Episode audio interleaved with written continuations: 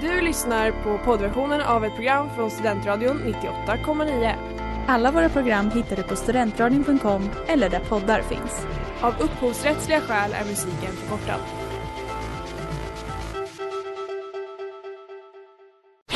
Reklam, reklam. Hej där! Tar du ett sabbatsår? Är du klar med din utbildning i höst? Ta då lite tid för att resa utomlands. Upptäck dig själv med ISEC och arbeta med ett sex veckors volontärprojekt kopplat till hållbarhetsmålen i Afrika. Läs mer på rebrand.ly uppsala 2019.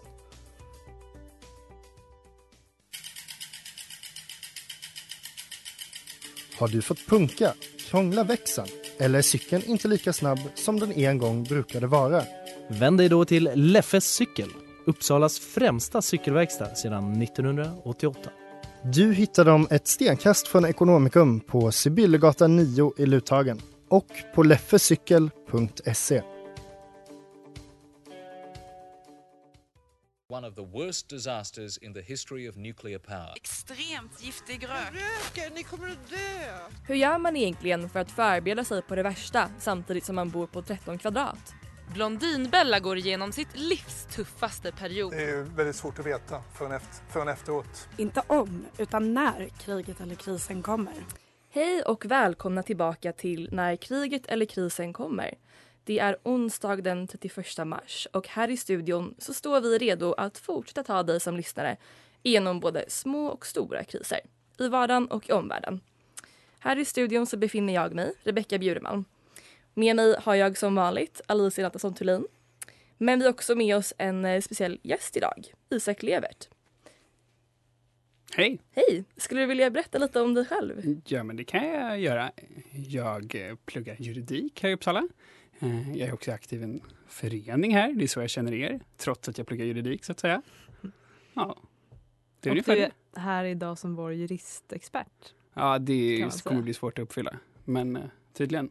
Är du ett stort fan av eh, programmet? Absolut, gud ja. Jag har ju skickat in två lyssnarkriser genom tiderna. Har du upplevt att de har hjälpt dig? Våra mm, lösningar?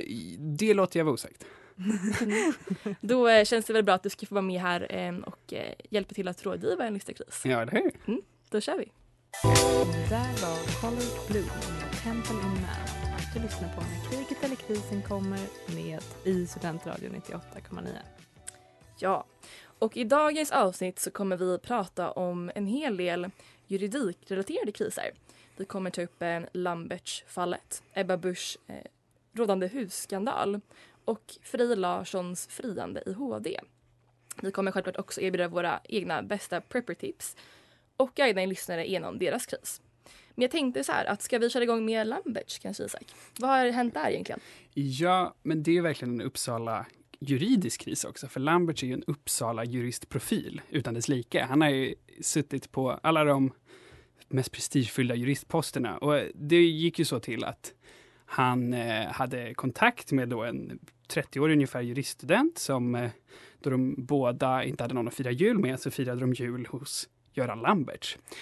Um, ehm, och en vecka efter det ungefär så polisanmälde hon honom då för våldtäkt. Eh, två månader senare, då för några veckor sedan, så eh, anhölls han, häktades, satt häktad här i Uppsala en vecka ungefär. För att sedan släppas när undersökningen lades ner på grund av brist på bevis.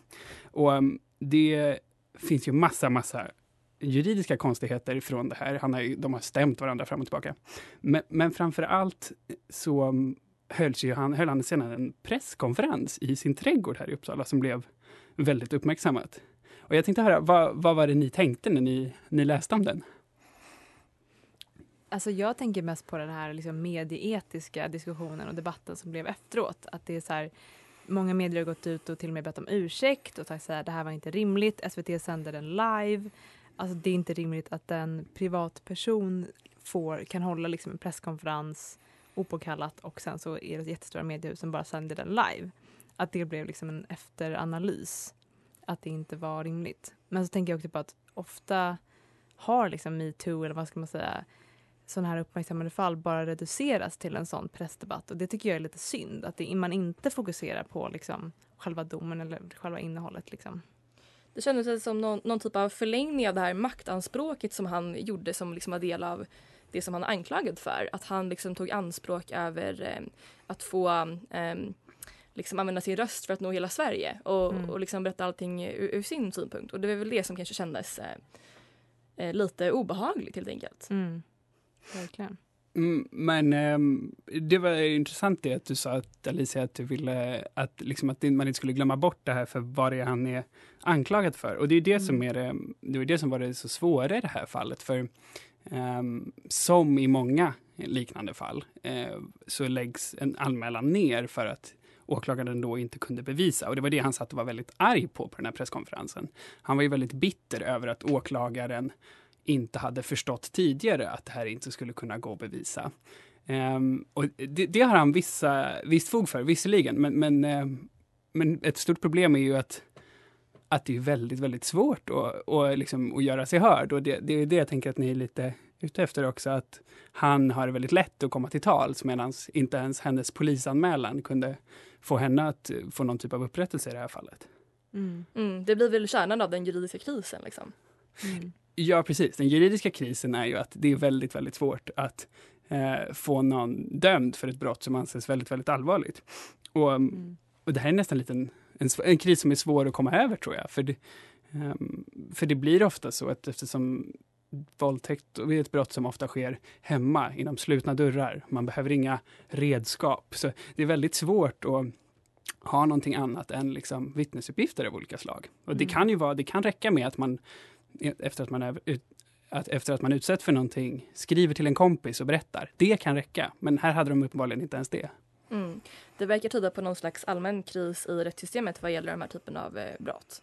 Ja, men det håller inte Göran Lamberts med.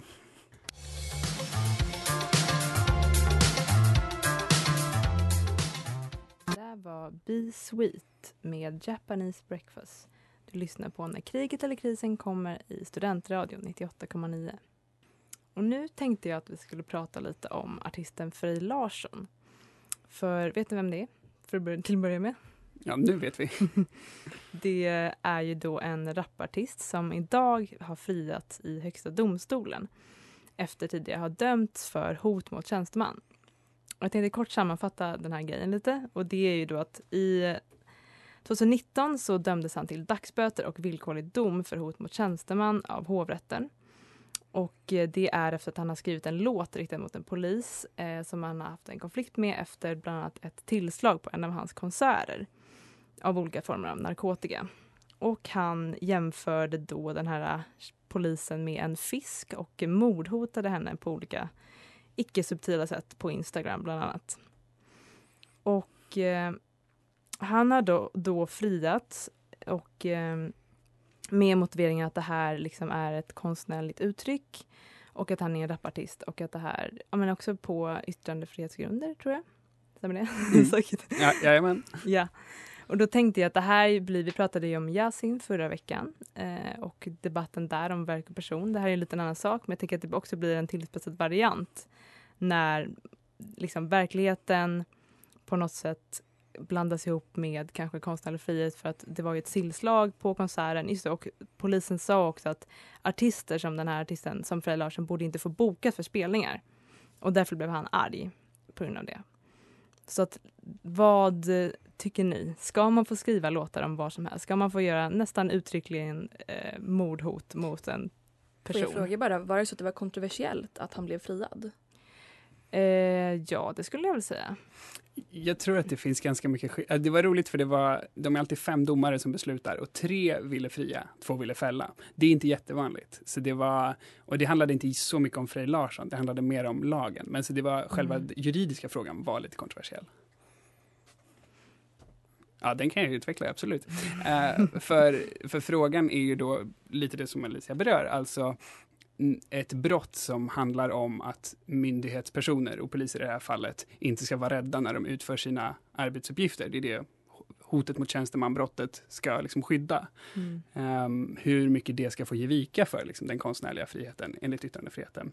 Och jag tyckte det var väldigt intressant hur specifika de var. För inte bara gick de in på just vem Frej Larsson är lite som person eller snarare vilka kretsar som han är verksam i. De gick Mm. också väldigt djupt in på låten. De gjorde typ en poäng av att jag tror att han sjöng att hon var ful som en fisk och att det var liksom bara en rolig allitteration. Och de Mm. gjorde också en poäng av att det var Eh, låten heter Då ska hon skjutas så det sjunger han när, när han samplar Ja må han leva och liksom sjunger det till Ja må han leva. Så Mm. de, de tog väldigt fasta på just hur konstnärligt betingat det här hotet var.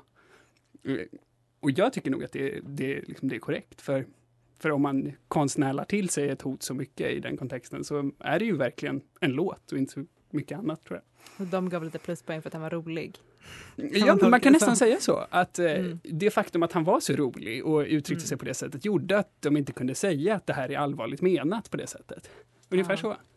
Har det kommit några reaktioner på det här eh, friandet? Vad ni vet. Eh, ja, men jag vet inte exakt, men jag har läst mig ett fint ord och jag tycker att när, när domar i Högsta domstolen döms så kan det ju vara prejudicerande, eller hur? Att det kan tas upp i andra fall. Jag tänker att det är en sån viktig konsekvens Mm, av det här.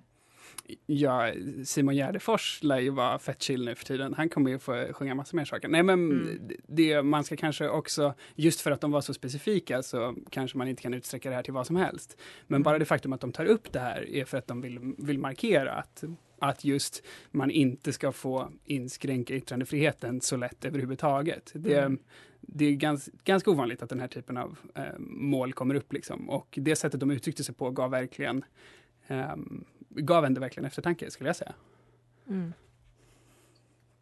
Ja, och eh, jag tänker också alltså jag vet inte så mycket om honom och jag tycker inte om hans musik så mycket, men jag tycker också det är roligt att han har varit en annan rättvis twist när han startade en gayklubb på Åland, på rysk mark i Åland har jag för mig. Har du hört talas om det? Nej, det här känner inte jag till. Känner du till det, Rebecka? Det tycker jag för övrigt var, alltså jag tycker inte om hans musik, men det var för övrigt bara superkul. Att han då hamnade liksom i rättstvist med ryska staten. Någonting att återkomma till, absolut. Mm.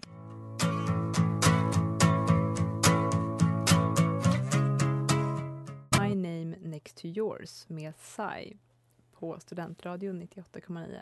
Det var också veckans singel. Något av en lokal kändis både här i Uppsala och i studion är ju självaste Ebba Busch. Vi minns henne särskilt för citat som att ja, jag älskar att gå på fågelsången och känna mig som eh, en vanlig människa. Eh, med flera. Eh, hon är inblandad i en eh, rättslig tvist om ett hus som hon vill köpa. Vilket eh, i det redan lite skakiga opinionsläget för hennes parti kanske inte är den mest framgångsrika ehm, tvisten att driva just nu. Ehm, vi undrar dock, Isak, har hon rätt i sak? Eh, nej, eh, och jag ska förklara varför. Ja, Eh, gärna. för det som har hänt var ju då att när hon slutade vara EBT och bara blev EB, alltså då hon skilde sig från Niklas Thor, så köpte hon ett hus i närheten eh, av en gammal man som de var lite bekanta med. Det ligger då i Marielund, mest känt för att vara slutstation på Vålbaren. Ehm, väldigt pittoreskt och så. Men problemet var ju att den här gamla mannen kom tillbaka sen genom släktingar, ombud och själv och hävdade att det här avtalet de hade inte gällde. Och nu har ju det här hamnat i Uppsala tingsrätt varifrån jag återigen har begärt ut massa handlingar. Kul. Ehm, och ehm, ja, de hävdar två saker då, han eh, gamla mannen. Dels hävdar han att hon har liksom utnyttjat honom för att få ett orimligt bra pris. Och det ska jag inte gå in på, för det, det, det är helt enkelt inte sant. Eh, I alla fall inte enligt juristerna. Så det argumentet är väldigt, väldigt svagt. Det, det argumentet de faktiskt försöker köra lite på var att Esbjörn då, som han heter, den här gamla mannen, eh, var så liksom kognitivt borta att det skulle, citat, skri, strida mot tro och heder, slutcitat, att eh, åberopa det här köpet och liksom hävda att det gäller fortfarande. Och det här här hänför sig man sig då på att han skulle varit så förvirrad att han inte förstod vad köpet gällde. Men eh, det finns ganska mycket, alla som har tittat på TV4 de senaste månaderna Eh, skulle nog inte riktigt hålla med. Och det finns ganska mycket som inte tyder på att det är så. Och det, det är en väldigt hög tröskel man skulle komma över. Så sammantaget så liksom de, det han försöker hävda är väldigt, väldigt svagt. Men, men det hindrar inte dem från att kämpa på. Hon har ju verkligen fått eh, löpa gatlopp i medierna de senaste månaderna. Så eh, om, eftersom att hon då har rätt, jag, jag tänkte bara, tycker ni synd om Ebba Busch Thor? Eller Ebba Busch då? Nej, jag tycker mest att det är absurt att hon gör det här ur en politisk kontext. Alltså, jag förstår att hon kanske har rätt. Men att hon skadar sitt partis rykte på det här sättet, på ett så egoistiskt sätt, gör ju att man tappar förtroende för henne. Jag hade ingenting från början, men om jag var kristdemokrat skulle jag ju tappa ännu mer förtroende. Liksom. Precis. Är det inte en jättestor del av, av eh, juridiken att man behöver know your rights och att de flesta människor kanske inte vet vad de har för rättigheter. Men i det här fallet så vet Ebba vad hon har för rättigheter och hon använder dem.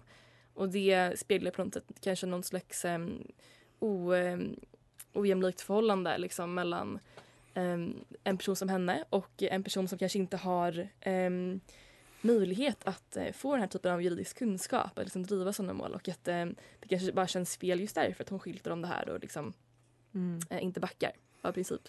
Mm. En, en annan rolig Oempatiskt. sak då som hans, eh, han, mannens försvarare håller fram är då att hon var lite in cahoots med mäklaren som då råkar vara Margot Dietz bror. Just det. Ehm, och, Margax. Ehm, Precis. Ehm, Theo heter han då. Och de försöker liksom på något sätt ehm, hålla fram det som att det här är ju Ebbas buddy. De har, de har liksom utnyttjat jäv, Esbjörn här. Ja, så kan man kalla det. Ungefär så. Men, men det finns inte så mycket som tyder på det heller. För det, Mm. eh, det finns liksom myndigheter som kontrollerar mäklare. Ehm, Ebba var ju vigselförrättare på Margax bröllop. Eh, men det var ju också en, eh, en scam. De Precis. gifte ju sig inte på riktigt. nej, för hon var ju inte finns det- vigselförrättare. Och det var ju det som var problemet. Det var del av Va? problemet. Det var heller aldrig syftet för dem att faktiskt gifta sig utan det var ju en PR-kampanj. De ställde upp på fältet samarbeten. Men Oj, det är ju en annan femma. Alltså, så var det. Så de fick gå till Uppsala stadshus bara veckan efter och få det överstökat. Och sen skilde de ju sig Jaha. ungefär ett halvår senare om jag förstod saken rätt också. Och vi kan väl säga ja, i vart fall då att den här PR-kampanjen, det här samarbetet mellan Bush och Dietz har ju inte fallit i Ebbas favör hittills. Det går ju dåligt för Kristdemokraterna, verkligen. Mm. Men man pratar ju också mycket om att äldre personer är Kristdemokraternas väljargrupp och att det därför ser så dåligt ut just att utnyttja en äldre man. Även om man är, inte är dement eller om man är det så ser det ju väldigt dåligt ut att liksom köra över en äldre person på det sättet. Och jag, jag, ja, men jag tycker det är väldigt empatilöst på många sätt. Och hon har väl mycket pengar, hon kan köpa ett annat hus. Det, är liksom, det blir ju... Det känns som att hon bara gör det för sakens skull nu. Liksom. Hade skandalen varit annorlunda om det var en man? Det om det tror jag. Förra partiledaren? På vilket sätt menar du? Hade det varit värre eller bättre? Alltså hade det varit mer eller mindre skadligt för partiet? Hade man reagerat mer eller mindre? Tror ni? Jag vet inte. Ja, kanske. Jo, men jag tror det. Jag tror att hon, ehm, hon har gamblat ganska mycket på, på att hon har sånt stöd bland de unga mammorna. Liksom. Och, och jag tror att det här stödet hade inte Göran Hägglund. Han, eh, eh han hade stöd bland sådana som såg ut och liksom var mer som han. Så, så om han hade försökt hävda det här så, eh, så hade det nog varit ganska många fler som kunde känna igen sig i Ebba, tror jag. Medans, eh, medans Ebba liksom har ändå gått mycket, mycket på liksom både unga och äldre. Och, och då blir det svårt, precis som du säger, Elisa.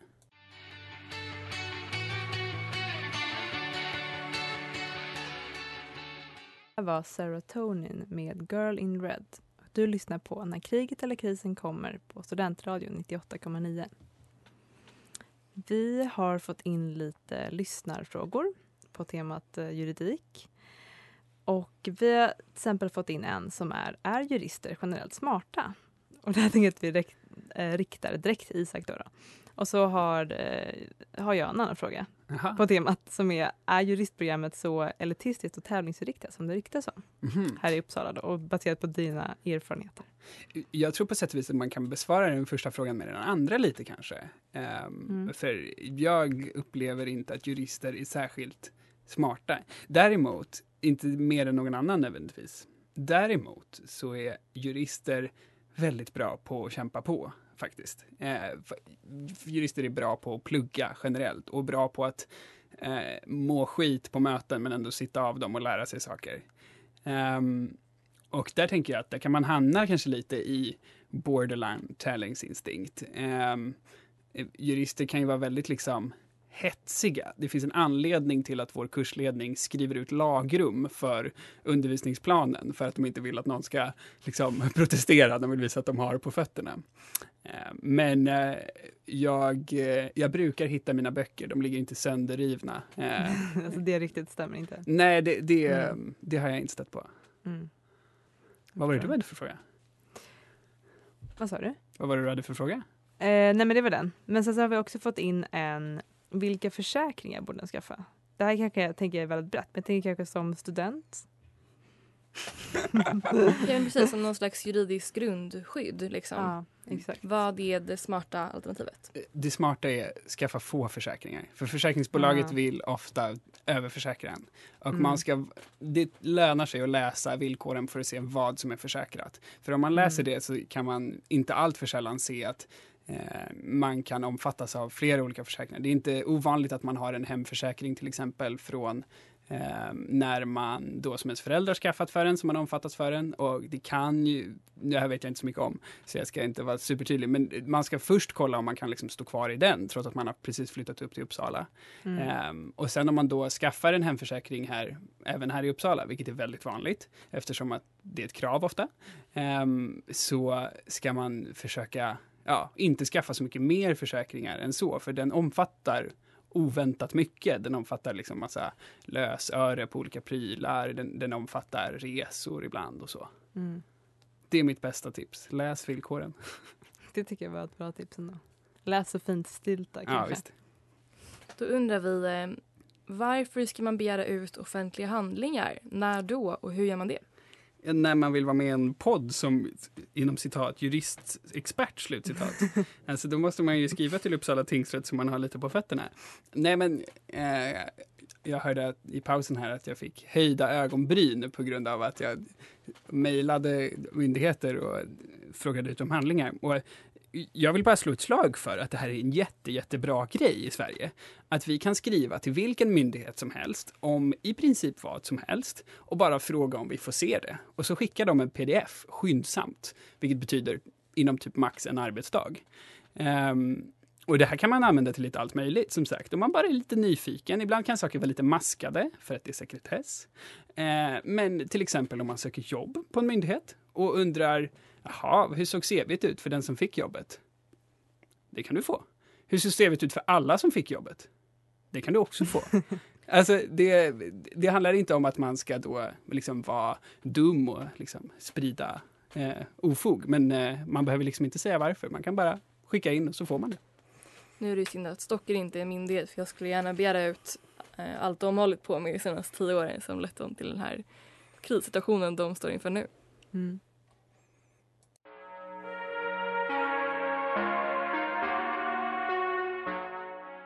Sunshine med Corinne. Och du lyssnar på När kriget eller krisen kommer på Studentradion 98,9. Och nu har det äntligen blivit dags för veckans lyssnarkris. Eh, om det här är egentligen en kris eller inte, ja men det får vi väl eh, försöka avgöra. Men jag tycker att det låter som en, en möjlighet snarare. Den lyder, ska jag söka till Polishögskolan? Det här är kanske en person som eh, liksom resten av samhället har dragits med i tunna blå linjen, eh, mm, liksom, eh, galenskapen. Och eh, det är väl eh, en bra PR-kampanj för polisen tänker jag. Att många kanske tänker de här banorna nu. Och det för ju absolut upp eh, en hel del juridiska frågor i, i tankarna. Den här demonstrationen som eh, Sara och Lea jobbar på. Mm. Ehm, som är att de skyddar ehm, högerextremister. Mm. Eh, och, och, deras ehm, demonstrationsfrihet, mötesfrihet helt enkelt. Mm. Eh, får ju dem att undra vad det är de försvarar och vilket regelverk, regelverk det är som de jobbar utifrån. Mm. Men polis eh, som yrke och Polishögskolan, är det någonting ni tycker att våra lyssnare ska söka sig till? Eh, alltså det är svårt att veta när man inte vet vem som har skrivit in det men eh, ja, jag skulle absolut inte vilja jobba på polisen men jag tycker också att det är bra att folk gör det såklart. gillar ju samhällsbärande funktioner och så vidare. Men eh, ja, vad tycker du Isak? Jag tycker det verkar faktiskt ganska nice. Eh, jag vet att poliser har ganska bra löneutveckling, det går bättre och bättre. Typ hela Sveriges regering nu och alla eventuella kommande regeringar har som gjort sitt som vallöfte och som att lova till hela svenska folket att vi ska satsa på polisen. Så om det är någon gång man ska bli polis så är det ju nu. Alltså då kommer man ju man måste ju passa på att rida på den här vågen och speciellt då med Tunna blå linjen som har liksom nått ut till så många miljoner över Sverige. Mm. Kanske är med och bygga upp förtroendet för polisen igen. Det behövs ju. Mm, verkligen. Men jag tycker dock att det är intressant att det, ni kanske inte har det, men om det ökar trycket till exempel på Polishögskolan. För jag tycker mer att det porträtteras som ett väldigt, väldigt tufft jobb. Alltså otroligt viktigt, men väldigt svårt och krävande. Tänker inte ni det? Mm. Jag tycker att det verkligen eh, det speglar ju alla de fina och jobbiga delarna som det innebär att vara polis. Mm. Och att det kanske har öppnat upp eh, mångas ögon inför det. Mm. Men apropå den där demonstrationen så tycker jag att det vore intressant att diskutera den här debatten som var för några år sedan med att NMR fick tillstånd i bland annat Stockholm och Göteborg och jag tänker att den är ganska direkt liksom, tagen från den debatten. Vad tycker ni om att förbjuda nazistiska organisationer? nu bara lägger jag den på bordet här. Mm, just det, det har väl skett i Tyskland? Nej, ja. Jo, mm. precis. Det har skett i Tyskland och Finland. Mm. Kul het potatis där. Um, jag tror inte att det är en jättedum idé. Jag tror att det kan vara en ganska bra idé faktiskt. Um, och anledningen till att det här skulle kunna vara svårt är för att det är så svårt att avgränsa, oftast, när man vill förbjuda organisationer. Sen just själva grejen med nazistiska organisationer är att de fortfarande ses som en ganska stor avbild av nazisterna. Så det är ganska förhållandevis enkelt att, att ta reda på vem är nazist och vem som inte är nazist. Problemet är när man börjar förbjuda typ andra organisationer som det pratas om nu, typ, och så här förbjuda gäng, typ som gängkriminella, för då blir det svårare gränser. Men jag tror nog att det skulle kunna gå att förbjuda mm. nazister, precis som man gjort i Finland till exempel. Och Tyskland har ju en särskild historia. Ja, så vårt råd till dig, kära lyssnare, är att eh, det är fritt fram. Vi stödjer dig att söka till Polishögskolan eftersom att Isak löser den här rättsliga biten med att du inte kommer behöva skydda nazister. Jajamän. För de kommer vara förbjudna. Så.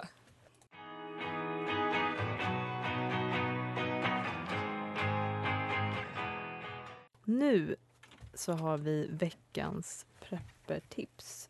Innan reklamen så var det Stacking Chairs med Middle Kids. Och eh, jag kommer ta efter Tova lite för hon har ju under den här terminen pratat mycket om att känna olika personer som prepping. Och då har jag då det enkla tipset att känna en jurist eller en aspirerande jurist som Isak. Som man kan ringa om eller när man hamnar i en juridisk kris. Jag har inte riktigt hamnat i en kris än, men till exempel så hörde jag mig till Isak innan en inlämning och frågade typ vad är EU-lagstiftning? Och det gick ju bra. Ja, mm. bra. Mitt preppertips den här veckan är inte så juridiskt. Den handlar om digital krisberedskap och kanske självförsvar. Det har kommit till min uppmärksamhet att en och annan bitcoin-scam har inträffat den senaste tiden då folk har blivit hackade på sina konton. Och förutom att varna för det här så tänkte jag skicka med något som man kan göra för att förhindra att bli utsatt för det här själv. Um, att skaffa ID-skydd, vilket man då fixar genom sin egna bank för att minska risken att bli drabbad av ID-kapning online. Förutom att förebygga så underlättar det här att liksom man, upp, man kan upptäcka om man har fått sin ID snodd och minska konsekvenserna om man skulle drabbas. Eh, och sen så om man vill eh, eh, gå till Clas Ohlson eh, lite varje dag så här, som jag brukar känna är kul, det inte finns så mycket annat att göra, eh, så kan man gå dit och köpa en sån här SkimSafe-kort som man kan ha i plånboken som skyddar ens bank och kreditkort mot trådlös skimming. Mm.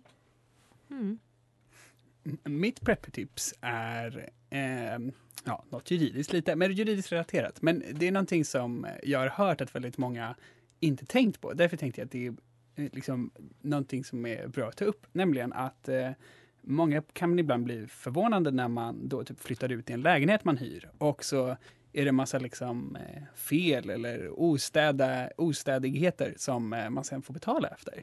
Så en jätte, jättebra grej ifall man vill vara lite uppkäftig mot sin hyresvärd är att ta lite foton, typ helst när man flyttar in, men också lite regelbundet, för då kan man alltid visa det har varit så här hela tiden eller det har uppkommit och inte på grund av mig och eh, slippa behöva betala när man ska flytta någonstans ifrån. För det är en 10 av 10 otrevlig sak när man bara vill lämna Uppsala bakom sig. Bra tips tycker jag.